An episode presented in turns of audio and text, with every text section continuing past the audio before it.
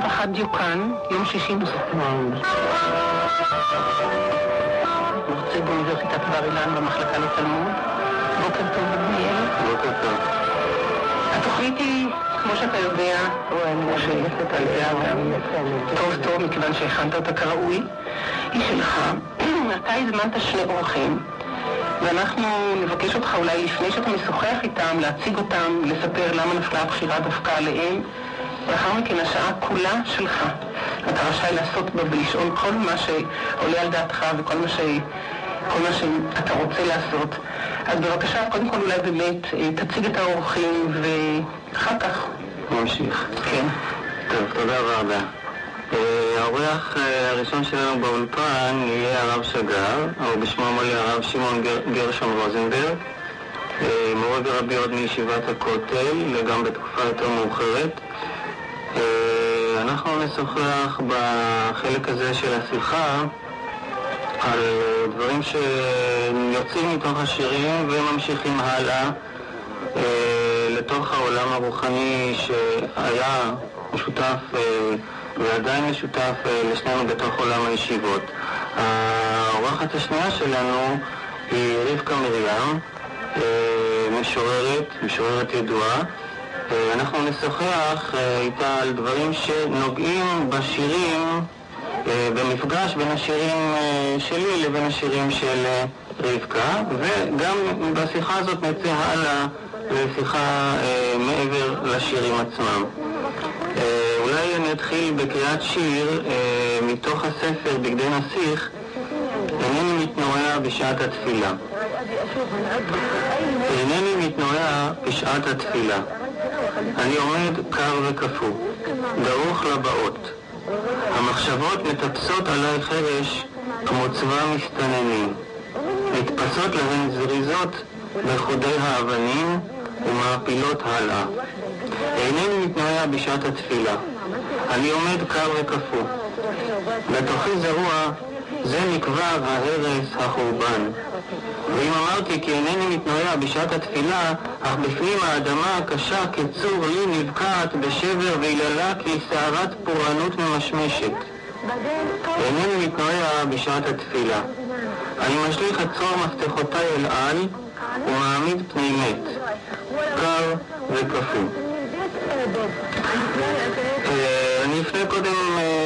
שגר, אם כי רבקה את יכולה להרגיש חופשייה, להתערב, להעיר הערות בקשר לשיר הזה. האם אה, לדעתך השיר הזה הוא תפילה? טוב, השאלה היא כמובן מה... מה זו תפילה? מה זו. תפילה? כן. אז אולי נשאל כך, מה זו תפילה? אתה בטח לא מתכוון למובן ההלכתי של התפילה, שהרי... לא, כי אולי ניגע בזה בהמשך, אבל מה- מהי תפילה? אבל במישור ההלכתי, גם אם שכחת איזושהי מילה קריטית, אז ודאי שכבר הדבר הזה איננו תפילה. כלומר, אתה צריך לחזור ולהתפלל, אבל אתה לא מתכוון לזה. כן. אה, טוב, יש כמובן אה, הגדרות שונות או תפיסות שונות ביחס לתפילה. אחת התפיסות שאני תמיד, אה, לפחות אה, אני מרגיש אה, הזדהות איתה, היא התפיסה החסידית. החסידים מגדירים תפילה, לשון התחברות, מביאים את הפסוק על נפתלי, נפתולי אלוקים נפתלתי, שזה לשון התחברות. כלומר, התפילה היא איזשהו אמצעי, מדיום שדרכו, בתוכו, האדם מתחבר לקדוש ברוך הוא, או נדבק בו. למעשה השאלה היא מוחלפת בשאלה לא פחות סבוכה, מה זה להידבק בקדוש ברוך הוא? אה, לברוח ממנו או למרוד, אם אני אה, תופס נכון את מה שאתה רוצה לומר כאן, יש כאן איזו פעולה של אה, אולי אפילו מרד, או לפחות רצון לברוח, ככה... ואז השאלה, האם גם הדבר הזה הוא נחשב אופן של הדבקות, אופן של התחברות לפחות? לפחות אה, ההרגשה שלי היא ש... ש... אה, הנקודה העיקרית בת- בתפילה זה עצם הדיבור עם הקדוש ברוך הוא, כן? יש תפילה שהיא לא תפילה, אדם שהתפילה שלו היא רק מצוות אנשים מלומדה, ולמעשה לא חשב בכלל על... הוא לא דיבר עם אלוקים, הוא אפילו לא חשב עליו. מזכיר לי סיפור שהשכן שלי לשעבר, רבי בלווייסי, שסיפר לי, הוא סיפר פעם על שני יהודים אה, ממאה שערים, שהוא שמע אותם, הלכו ברחוב, אחד אומר אה, לשני, תשמע, אולי בכל זאת יש אלוקים, יש כל כך הרבה בעלי תשובה, מי יודע. לפעמים דווקא המסגרת או הנורמה הדתית היא פועלת, אה, עלולה לפעול לרועץ מכל מקום. ולפעמים, כמו שלמעשה זה דבר די טריוויאלי, שאדם אה, מבטא את הקשר שלו דווקא דרך אה, הבריחה, דרך ההתנערות. או לפחות מהאספקט הזה, או מנקודת מבט כזאת, אז כל אה, דיבור עם האלוקים, נגד האלוקים, אפשר להחשיב אותו, או בהכללה הזאת אפשר להחשיב אותו.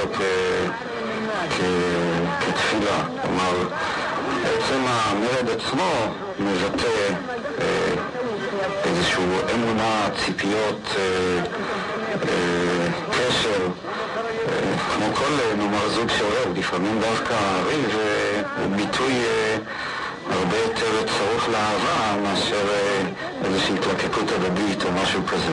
אבל זה חייב להיות פנייה החוצה לפי איך שאתה מבין את המושג תפילה?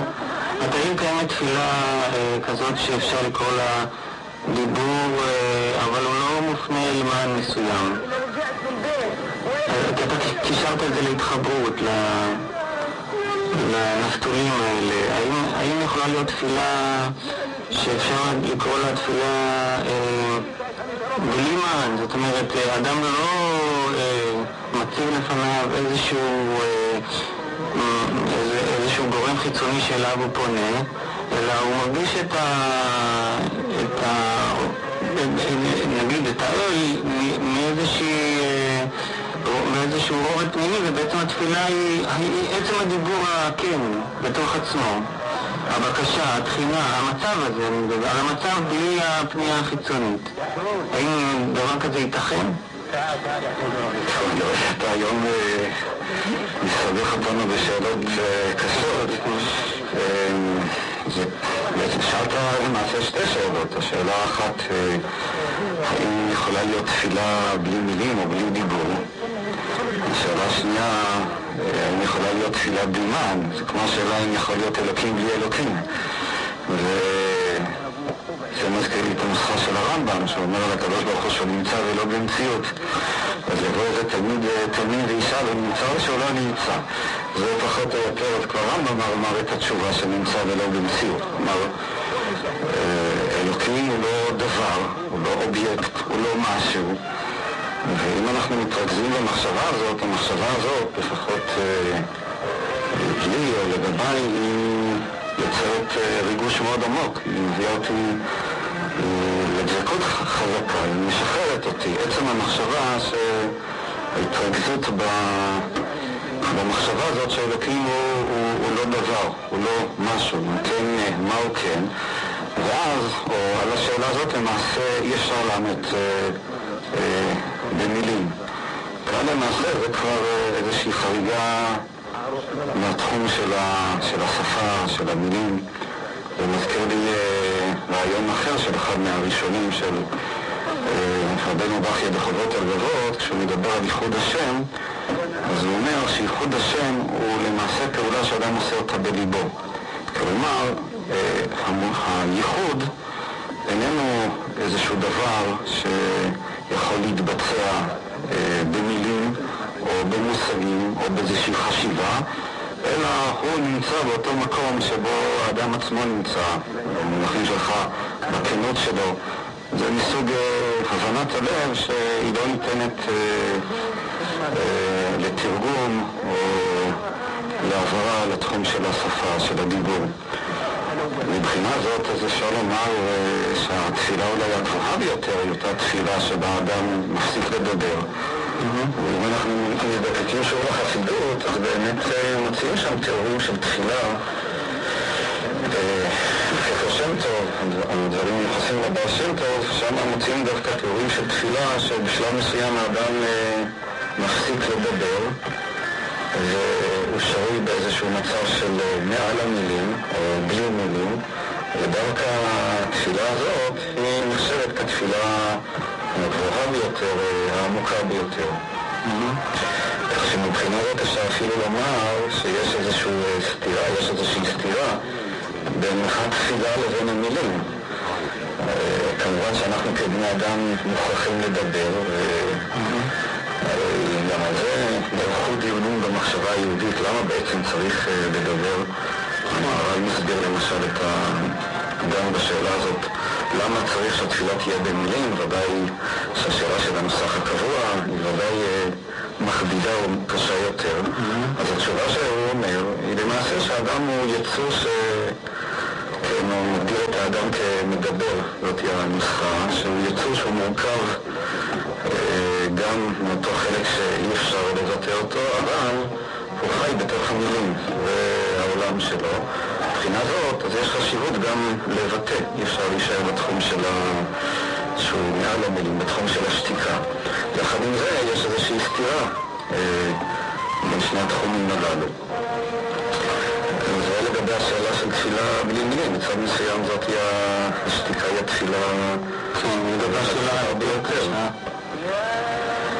השאלה יותר קשה היא מסובכת, משום שכל, אתה מבין, כל תשובה היא בעצם גם כן וגם לא, היא תמיד...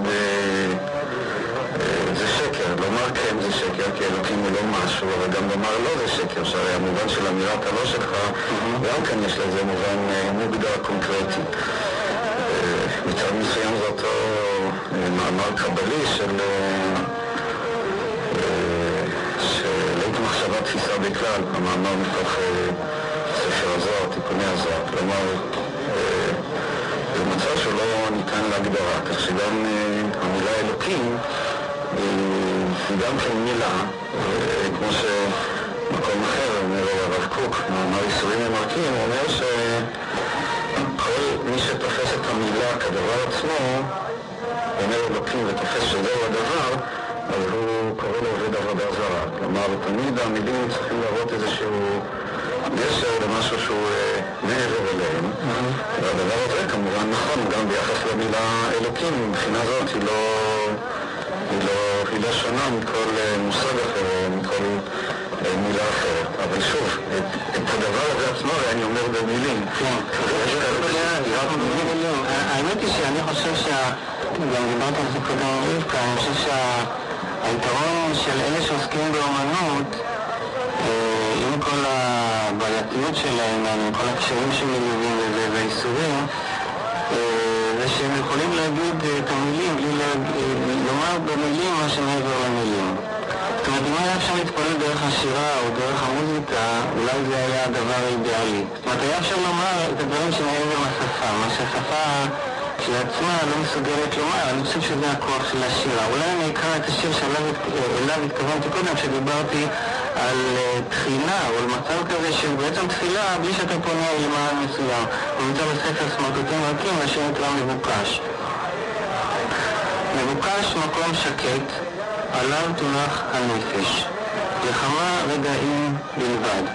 מבוקש מקום שישמש מדרך לכף הרגל לכמה רגעים בלבד. מבוקש עציץ, עלה, גבעול השיח, שלא יקום ויתקפל כשהיא תבוא, לכמה רגעים בלבד. מבוקש דיבור אחד, נקי, נעים וחם, שישמש ספסל, מקלט, למישהי, קרובה שלי, ילדה יונה, נפשי שלי, אשר יצא מן התאבה לכמה רגעים בשעות הבוקר, ולא מצא מאז מנוח לרגלה. מה שהייתי כאן רק רוצה בעצם לשאול, האם אתה, רב שגר, חושב שיש דבר שאפשר לקרוא לו תפילה יהודית? זאת אומרת, האם תפילה זה דבר אוניברסלי או שאפשר לחלק אותה לסוגים ולומר אנחנו רגילים לתפילה מסוג מסוים, תפילה יהודית?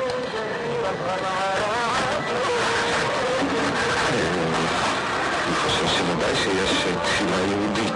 אם יש יהודי, אז יש גם תפילה יהודית. מה אפשר לאפיין אותו? הדבר באמת, מה אפשר לאפיין אותו? הדבר בא באמת ראשית לכלל ביטוי בנוסח של התפילה עצמו. את התפילה אנחנו פותחים באלוקינו ואלוקי אבותינו, לא באלוקי האדם הראשון או אלוקי נוח, אלוקי הבריאה או ההוויה, אלא מתחילים אה, באבינו, כן? באבא שלנו. רק אחר כך, הברכה השנייה, ברכת גבורות, אז הגרעין כבר הופך להיות הגרעין האוניברסלי של כן, הגיבור, של הגבורה האלוקית, עם חיי מתים, משיב הרוח ומוריד הגשם, שהיא כבר ההשתקפות האלוקית בבריאה.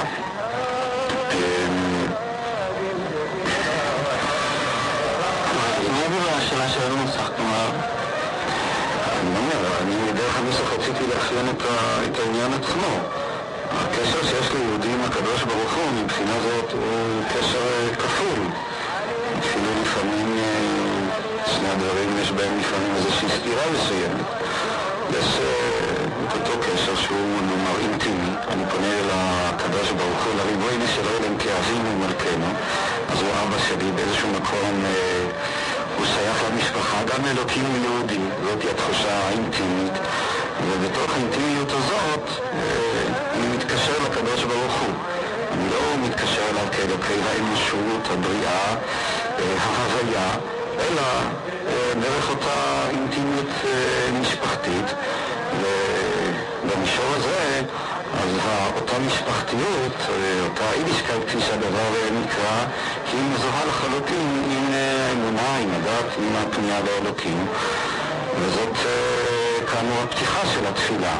אני מתקשר עם ההיסטוריה, נזכר באבות שלי, בסבא, באותם אנשים יהודים שחיו, עד שהדבר באיזשהו מקום מגיע אליי.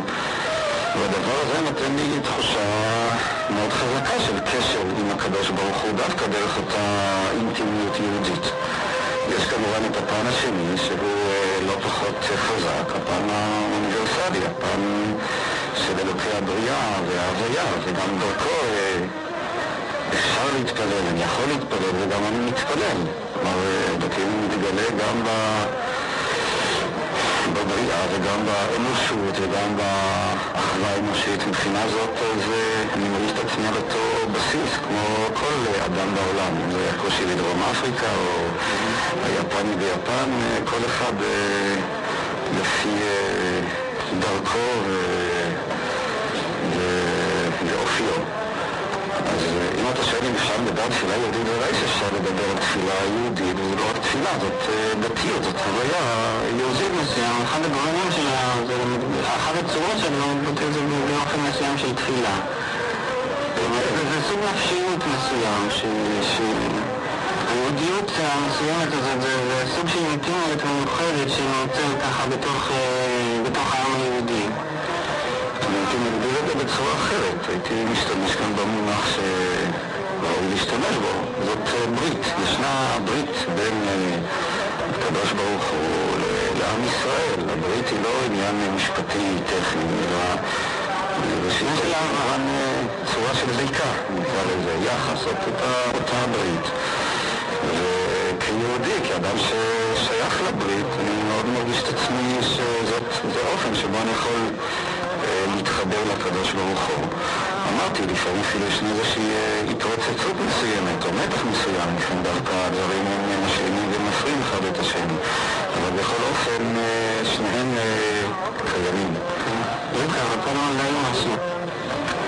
אני רוצה לשאול את הרב שגר, אם העובדה שאתה גם, מלבד זה שהיא מקנה לך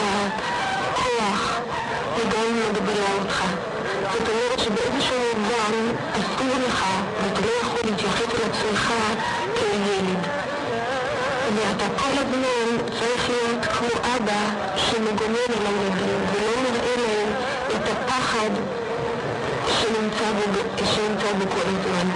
כי בסך הכל הרי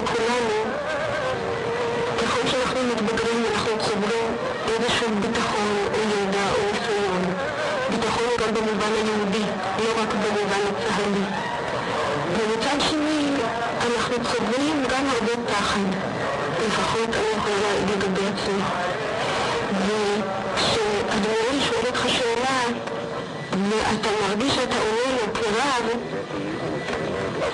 ואתה לא יכול לענות לו אה, עם הפן היהודי שבך, החרד, שלפעמים גם אולי לא יכול להתפלל או מאבד את המילים. אתה מרגיש שזאת הגבלה או אולי מטעה? השאלה, ראשית כל אם אני מרגיש שאני עונה לו כרב. אולי הרגשת את זה מתוך הציטוט של המקורות והפסוקים וכן הלאה, אבל אה, אני מכל מקום אה, לא חש את זה ככה, אני גם מקווה שלא עוררתי את התחושה הזאת. אה, באופן כללי לגבי השאלה עצמה, אני גם כאן מוכן לספר סיפור אחר שהתמנה לרב באיזשהו מקום. אז הוא סיפר שבהתחלה, כשמישהו קרא לו הרב, הרב יהושע, אז הוא לא הבין למי קוראים, מסתכל לצדדים, אולי יש שם איזה רב. עכשיו כשמישהו מעז לפנות אליו כיהושע ולא הרב יהושע, והוא נורא נשבר והוא לא מבין שקוראים לו. אבל השאלה היא למעשה שאלה כללית. כל אדם, בפרט אם הוא בעל תפקיד, ובמיוחד אם התפקיד הוא תפקיד חינוכי, אז נותן איזושהי משבצת, מעטה עליו מסכה, סכנה, וזה הכרחי, זה לא יכול להיות אחרת. השאלה היא רק אם, הוא תופס את זה כמסכה או שהוא לחלוטין נבלע בתוך המסכה ואז מה שיגדל... קורה לפעמים שאתה מרגיש שאתה לא יכול היום להתפלל ואף על פי כן אתה יורד ומתפלל שחרים. זאת אומרת, אתה מרגיש פתאום שהגעת עד גבול או מעבר למילים, ואתה בעצמך אמרת שגבול התפילה הגדולה ביותר חסרת מילים, אבל אתה לא יכול להרשות לעצמך לא להתפלל. זאת איננה שאלה שצריך לשאול מישהו כרב, צריך לשאול, אפשר לשאול את השאלה כל יהודי, כל אדם שמרגיש את עצמו כפוף להלכה, ורואה את ההלכה כמשהו שמחייב אותו באופן מוחלט, אז נוצר אצלו הקרע או המאבק בין אה, המצב הפנימי שלו, ההרגשה הפנימית שלו, הילד שבו, כפי שניסחת את זה, לבין הגשת המחויבות, אבל גם כאן אני מוכן לגלגל את הכדור למגרשים אחרים, אדם נשוי. אז כל בוקר צריך לקום, לחתן את הילדים, לתת להם אוכל וכן הלאה, אבל יום אחד אין לו חשק, הוא רוצה, אני יודע, להמשיך לישון או להסתכל על הזריחה או משהו כזה. זה דבר שהוא שייך לעצם הדינמיקה, המבנה של החיים. נכון שתואר רב, או המעמד של הרב, הוא מבחינה זאת קשה יותר, זאת אומרת, יש איזו הרגשה של מחויבות, הייתי אומר אפילו הרגשה של שאתה מגויס למשהו, ואז הרב עלול להפוך, וזה קורה לפעמים, אפשר להתכחש לזה, נאמר איזשהו control כזה, זה, זה, אלה דברים נכונים, אבל כמו שאמרתי, אני מרגיש את זה כמאבק, ובצד מסוים זה לאו דווקא רע, זאת אומרת, ישנם דברים שאדם עושה מכוח תפקידו, מעמדו. השאלה, אני חושב, אם הוא מבין למה הוא עושה את זה. לפעמים אני יודע שאני עושה דברים לא משום שאני כשעצמי לא הייתי עושה אותם. מזכיר לי איזושהי תורה של האדמו"ר משוויצה, שהוא אמר שיש דברים שאדם מסוים, צדיק, לא צריך לעשות אותם, משום שהוא כבר תיקן אותם. רק מה? כיוון שבעם ישראל הדבר לא תוקן, אז הוא צריך לעשות מה שכולם עושים. אני חושב שאדם שפועל מתוך תודעה כזאת, אז הסכנה היא פחותה, משום שהוא לא נבלע בתוך התפקיד שלו, אלא התפקיד הוא איזשהו אה, אמצעי, כלי או מסכה שלפעמים צריך לעבוד גם, אה, גם בצורה הזאת, אבל אז הוא יכול לשמור באיזשהו מקום על, ה, על החופש שלו, על הפנימיות שלו, על הכנות שלו, גם אם לפעמים הוא נאלץ אה, אה, לעשות דברים שאינם עולים אה, בקנה אחד עם אותו מישור פנימי. כן, אני חושבת שאחת הבעיות שלנו בכלל היום זה שהרבנים שלנו כל כך חזקים במרכאות. ואם הם היו ואולי נוסיף לכולנו יותר כוח. אתה מבין למה אני מתכוונת? זאת אומרת, היום האנשים מרגישים מאוד חלושים, ונדמה להם שהרבנים לכאורה חזקים, ולכן הם פחות דורשים לעצמם דברים, זה כמו באיזשהו מקום שיש לנו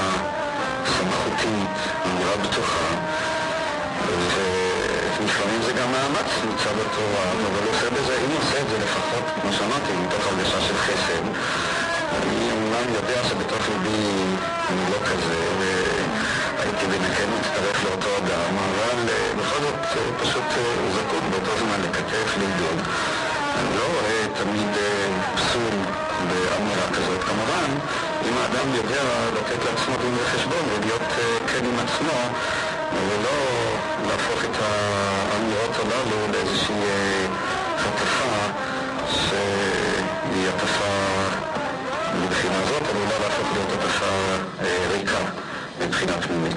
אנחנו צריכים לחזור גם לשמוע את גיורא פלדמן, נכון? ליהודיות, זה היה הנושא האחרון שהגענו אליו, והייתי רוצה לקרוא את השיר מתוך בידי נסיך, שאיכשהו יש לו מגע עם הנושא הזה של היהודיות. בתוך האוטובוס העירוני החם, המיוזע, המתנהל עמוס מאי לאן, לרגע מבטך מולי חודר, סקרן, מבין כמו מטבע מתגלגל מן הרצפה, פיסה סמוכה ממבטי המזוגג. ושבתי וראיתי רגע אחרי כן, בהתחלפות הזמן, בין סולמות עולים, יורדים, פורקים וטוענים, כצמד ישויות רזות, שדופות פנים, הותרנו מאחור על המסעד. הנה אחד בדידות הלב הנקייה המגולחה שלך, הרכונה כצל סיגריה אפרורית על המושב, לצד היטל צדודית רועד, מתוך רכות ליבי היהודית, הגלולית, המכוסה, שחורה, מיוהרה, כמו לוחם לחוט בחפירה בעטיפת זקן. אני חושב שהביטוי הזה, לוחם לחוט בחפירה בעטיפת זקן, חוזר למה שדיברת קודם, רבקה, על הרבנים, על הרבנות היום, על, ה- על היהודיות אה, כפי שהיא הרבה פעמים מצטיירת כלוחם לחוט זקן, חוזר למה שדיברת קודם, רבקה, על הרבנים, על הרבנות היום, על, ה- על היהודיות אה, כפי שהיא הרבה פעמים מצטיירת כלוחם לחוט בתוך חפירה עם עטיפה של זקן. מה שהייתי רוצה רק אה, אולי לשאול אותך, אה, זאת אומרת, אה, האם כשאנחנו מדברים על, על אה, הנושא הזה של היהודיות, אה, גם בשירים שלך הדברים האלה יש להם ביטוי. את זוכרת איזשהו שיר מסוים, או שהיית מוכנה להתייחס בכלל לנושא הזה של יהודיות? יהודיות בשירים שלי. כן. אתמול שוחחתי עם ידיד ודיברנו, בתוך השיחה אמרתי לו שאני חושבת שאם הייתי מתעלפת מעליי, אתה יודע, את כל הרבדים, את כל השכבות שעוטפות אותי, הייתי מגיעה לרובד, והייתי מגיעה לרובד שאני מרגישה שאני לא יכולה להסיר אותו מעליי, זאת הנקודה היהודית. אולי אפילו בקלות יותר, נדמה לי, הייתי יכולה להסיר מעצמי את הרבקאות מאשר את הרובד היהודי. ונדמה לי שכל זמן שאני יצור חי, אני יהודייה. אבל אה, הדבר הזה, אני לא יכולה להגיד שהוא בא לידי ביטוי בשיר מסוים. אה, אני מבקש ממך אולי לקרוא את השיר ממתי קוראים, שיש שם אוהב אותו ואין לא- לא מבטא את היהודיות באופן שדיברנו עליו בין אם לאו. ממתי קוראים? שמה, משעה שאין בה תכלת, ופוסק הכרתי. הגוף מתנופף על שדרתו ככבשים ברוח. הילדים ננעצים בילדותם השקופה, והזקנים בזקנתם הנאטמת, אך נושרים מתוכם כקליפה מן הפרי. ממתי קוראים שמה? משעה שהשחרית בתהום מתאפקת, והערבית אין רומה כאור, ואין צפיפות בנמצא, ואין בנמצא עניין. כן, בעצם אותנו לנושא אחר שרציתי לדבר ככה, בנושא של אה, שירת נשים מול שירת. האם את יכולה לתת אה, סימנים בשירת נשים, שירה של נשים כותבות? זה מאוד קשה, שמגיעים מזה להחלמות. אה, אני חושבת שבכלל אנשים יוצרים, אצל גברים יוצרים מהצד הנשי מאוד חזק, ואולי אצל נשים יוצרות יש באיזשהו מקום מצד אה, יותר גברי פעיל. האם אה, היית מסכימה לתחושה שאני מרגיש אותה, שכמובן אי אפשר, כמו שאת אומרת, לעשות הכללות ולומר שכל נשים כותבות הן כותבות כך, או כל הגברים כותבים כותבים כך, אבל אני מרגיש איזושהי מידה של מורכבות, מסובכות בתוך השירה של הגברים. אני יכול לדבר עליי, כן? זאת אומרת, איזשהו... אה, איזושהי אה, חפירה לעומק וחתירה וערבוב של יסודות ודברים בתוך השירה כך שאתה עומד לפעמים מול הפשטות, נגיד הוונדלית, ואתה תמה איך היא יכולה להגיד את הדבר כל כך פשוט. בצורה, גם אצל דליה ליבקוביץ' אני מרגיש את זה הרבה פעמים. במין אמירה פשוטה, וגם בשירים שלך אני רואה את זה הרבה מאוד פעמים. במין אמירה פשוטה, ישירה, ולפעמים אפילו אתה מרגיש ניקח את השיר מעין גאווה של דליה רביקוביץ', שאפילו מוכנה להגיד את הנמשל.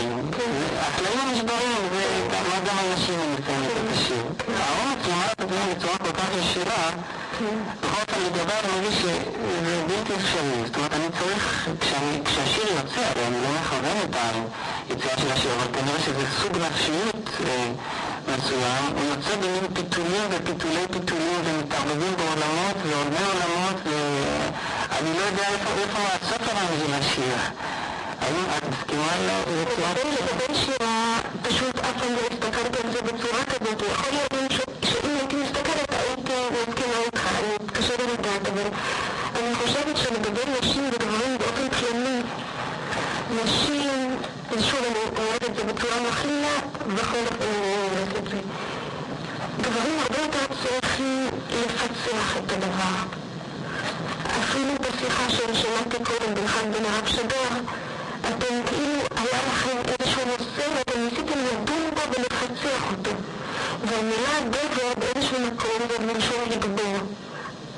לגבור על איזשהו דבר, על איזושהי ישות, על איזשהו אדם, על איזושהי מחשבה או הוויה ולפצח אותו, ואחרי שאתה גובר עליו, אתה מרגיש שנגעת בדבר.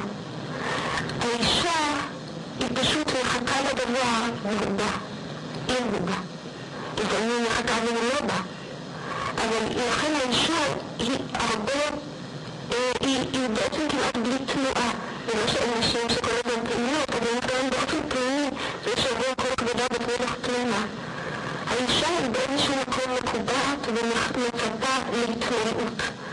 והגבר כל הזמן מתרוצץ. כדי להגיע שלי לאותו דבר, צורת הפעולה שונה. מעניין, מחשבה מעניינת. אני שכתבתי אותו בתקופה שהייתי אברך בישיבה, ושם האישה היא באמת, האישה היא אשתי, כי אני יושבת בתוך כורסה תובענית, והגבר מרחף באיזשהו עולם של מאבקים, ובכלל לא נמצא במציאות על הקרקע, וצריך אחרי זה להוריד אותו למטה. ציור מספר אחד נקרא האגם הלילי ומופיע בסמרטוטים ריקים. יושב האברך לשולחן כף שיקול האמת מסומנת כדי רצינית באוויר, כספינה טעונה בחלל ענקי בצפיפות חפצים. ואשתו ההרה בכורסה טובענית בזווית הסמוכה, בידיה תרקום סבלנית ומצפה טבעות טבעות של כיפה לבנה על שם העתיד. ושקט קשור כענן לבנבן, צרור דחוס וגדוש עניינים של חוכמה, יוצר מפליג לדרכו מנמל מבטו החמור, הסותר ומבהיר ונזהר, כשחוט מחשבה יחידי וזעיר מתעקש ונקשר לאחור בידידות ובחום, וחוצה בבהירות באותם משעונים, ומרום הגבהים מסוחרר וצונח, יורד בזוגות וטובל בתחתית האגם הלילי. האגם הלילי הזה אולי מביא אותי לנושא נוסף שהייתי רוצה לשאול אותך, רבקה. בשירים שלך יש הרבה התייחסות ליצריות. הנושא הזה הוא נושא בעייתי מאוד, לא רק במסגרת הדתית. הוא בעייתי אולי מעבר למידה, שכשאתה חושב על זה בחוץ אתה לא מבין את העוצמה שלו. ואת דיברת איתי כשדיברנו בשיחה הקודמת על היצריות כגעגועים. את מוכנה להרחיב על זה קצת? העולם כגעגועים. כן, אני חושבת שהעולם הוא מקום לכמיהה. ואפשר לראות את זה בכל מקום. והכמיהה היא לא אל דבר שנגמר בגוף. הכמיהה היא אל דבר שרוצה להגיע עם הגוף עד הסוף, ואז בעצם לנפץ את הגוף, ולזונות מעבר לו. אני חושבת שהדבר הזה לא נוגע דווקא לצדדים האירוטיים, אפילו לרעב ולצמא פשוטים, שאתה מאוד רעב ואתה מאוד רוצה לאכול, או אתה רוצה מאוד לשתות, אז בעצם הצמא שממלא אותך הוא צמא שהוא מעבר לצמא הפיזי.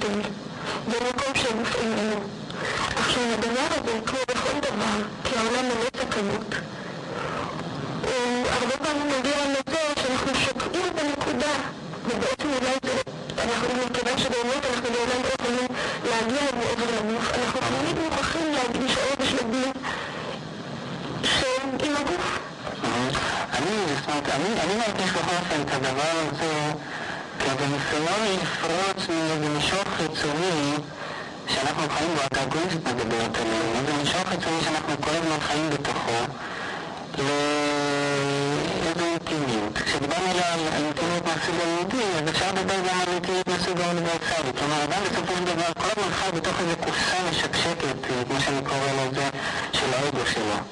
וכל הזמן שומע את עצמו, את הצרכים שלו, לא תמיד רואה שום דבר מחוץ לעצמו. הוא לא מסוגל לראות את האישה שהוא חי איתה, את הילדים שלו, את הטבע, את המציאות.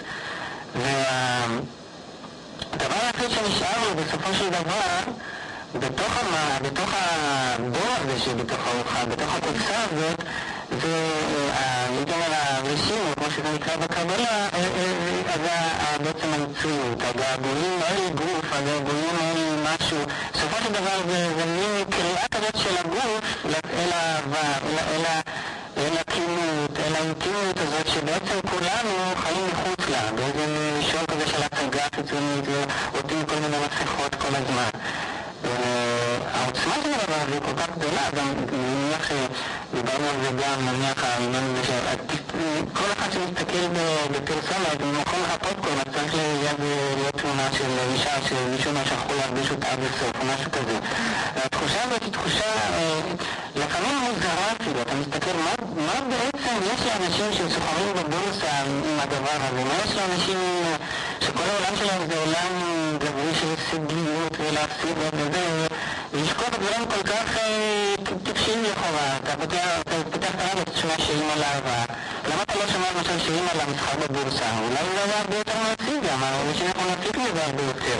או שירים על כלי נשק, או מלחמות, או דברים כאלה. אתה לא שומע אותם, אתה תמיד שומע על איזה מין געגועים, על איזה מין אה, אהבה, אבל שאף אחד לא חי באהבה הזאת. מי חי באהבה הזאת? גם האהבה הרומנטית, זה דבר שמתנפץ אה, לסלע תוך כמה שנים. אבל כולם יודעים כמה, כמה אנשים צריכים לחיות אה, אחד עם השני היום, במצב שלנו. אבל בכל אופן, אתה- הגעגועים האלה בוקעים, הגעגועים האלה ממלאים את העולם, הקולות האלה. זה מזכיר את הסיפור של זה דיברנו, של המעלן וההר. זה מין געגועים כאלה שאתה לא יכול להינתק מהם. אפילו שאתה בורח ובורח ובורח, אתה תמיד צריך לחזור אליהם. אולי זה מתקשר לתפילה, אולי כולנו מתפעלים באיזשהו מקום. הרב קוק אמר לי באיזה מקום דבר מאוד יפה, שאפילו חרק שהוא נע, עצם התנועה, עצם החיים, זה געגועים אל ה- אל הקדוש ברוך הוא, זה געגועים אל ההוויה האינטימית הזאת. זה לא מודע, כן? לא מודע לא לזה, זה כמו אבל לא כמו שאתה יודע, שהיצריות היא געגועים אל, בסופו של דבר למצב האינטימי הזה, אל האל, אל המציאות היותר גבוהה.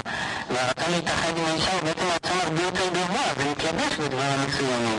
אדם שאוהב, את אמרת את זה וגם דיברת על זה, שאדם שאוהב את אשתו הוא אוהב את המציאות, הוא לא אוהב דווקא את אשתו, את עצמו, שזה דבר. אוהב קודם כל את הנשיות, ואחר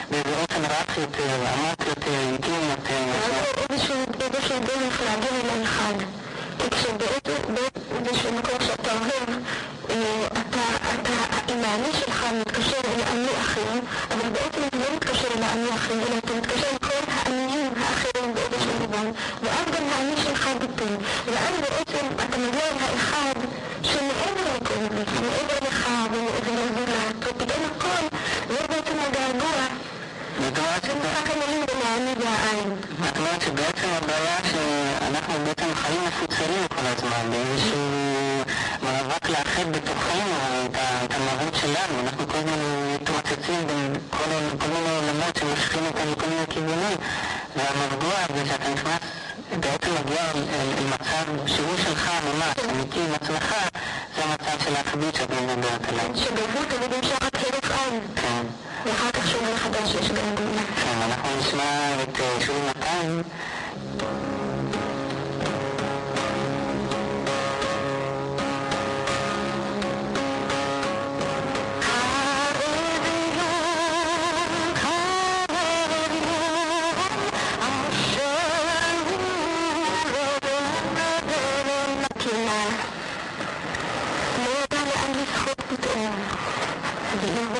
monsieur Voltaire, المضيع في الاعتراف كأن المحلل بشيلة مهما عشد لأو هداعك تيان بذات الهداعك شغتي الهنا لشتوك شدت ما تكرس ورد الانتنيد ششت الفنسلين بتوخي غرارها هداع من الزرامبو هشت في البلاد بس التطوح بل عشت التطوح عاد شهد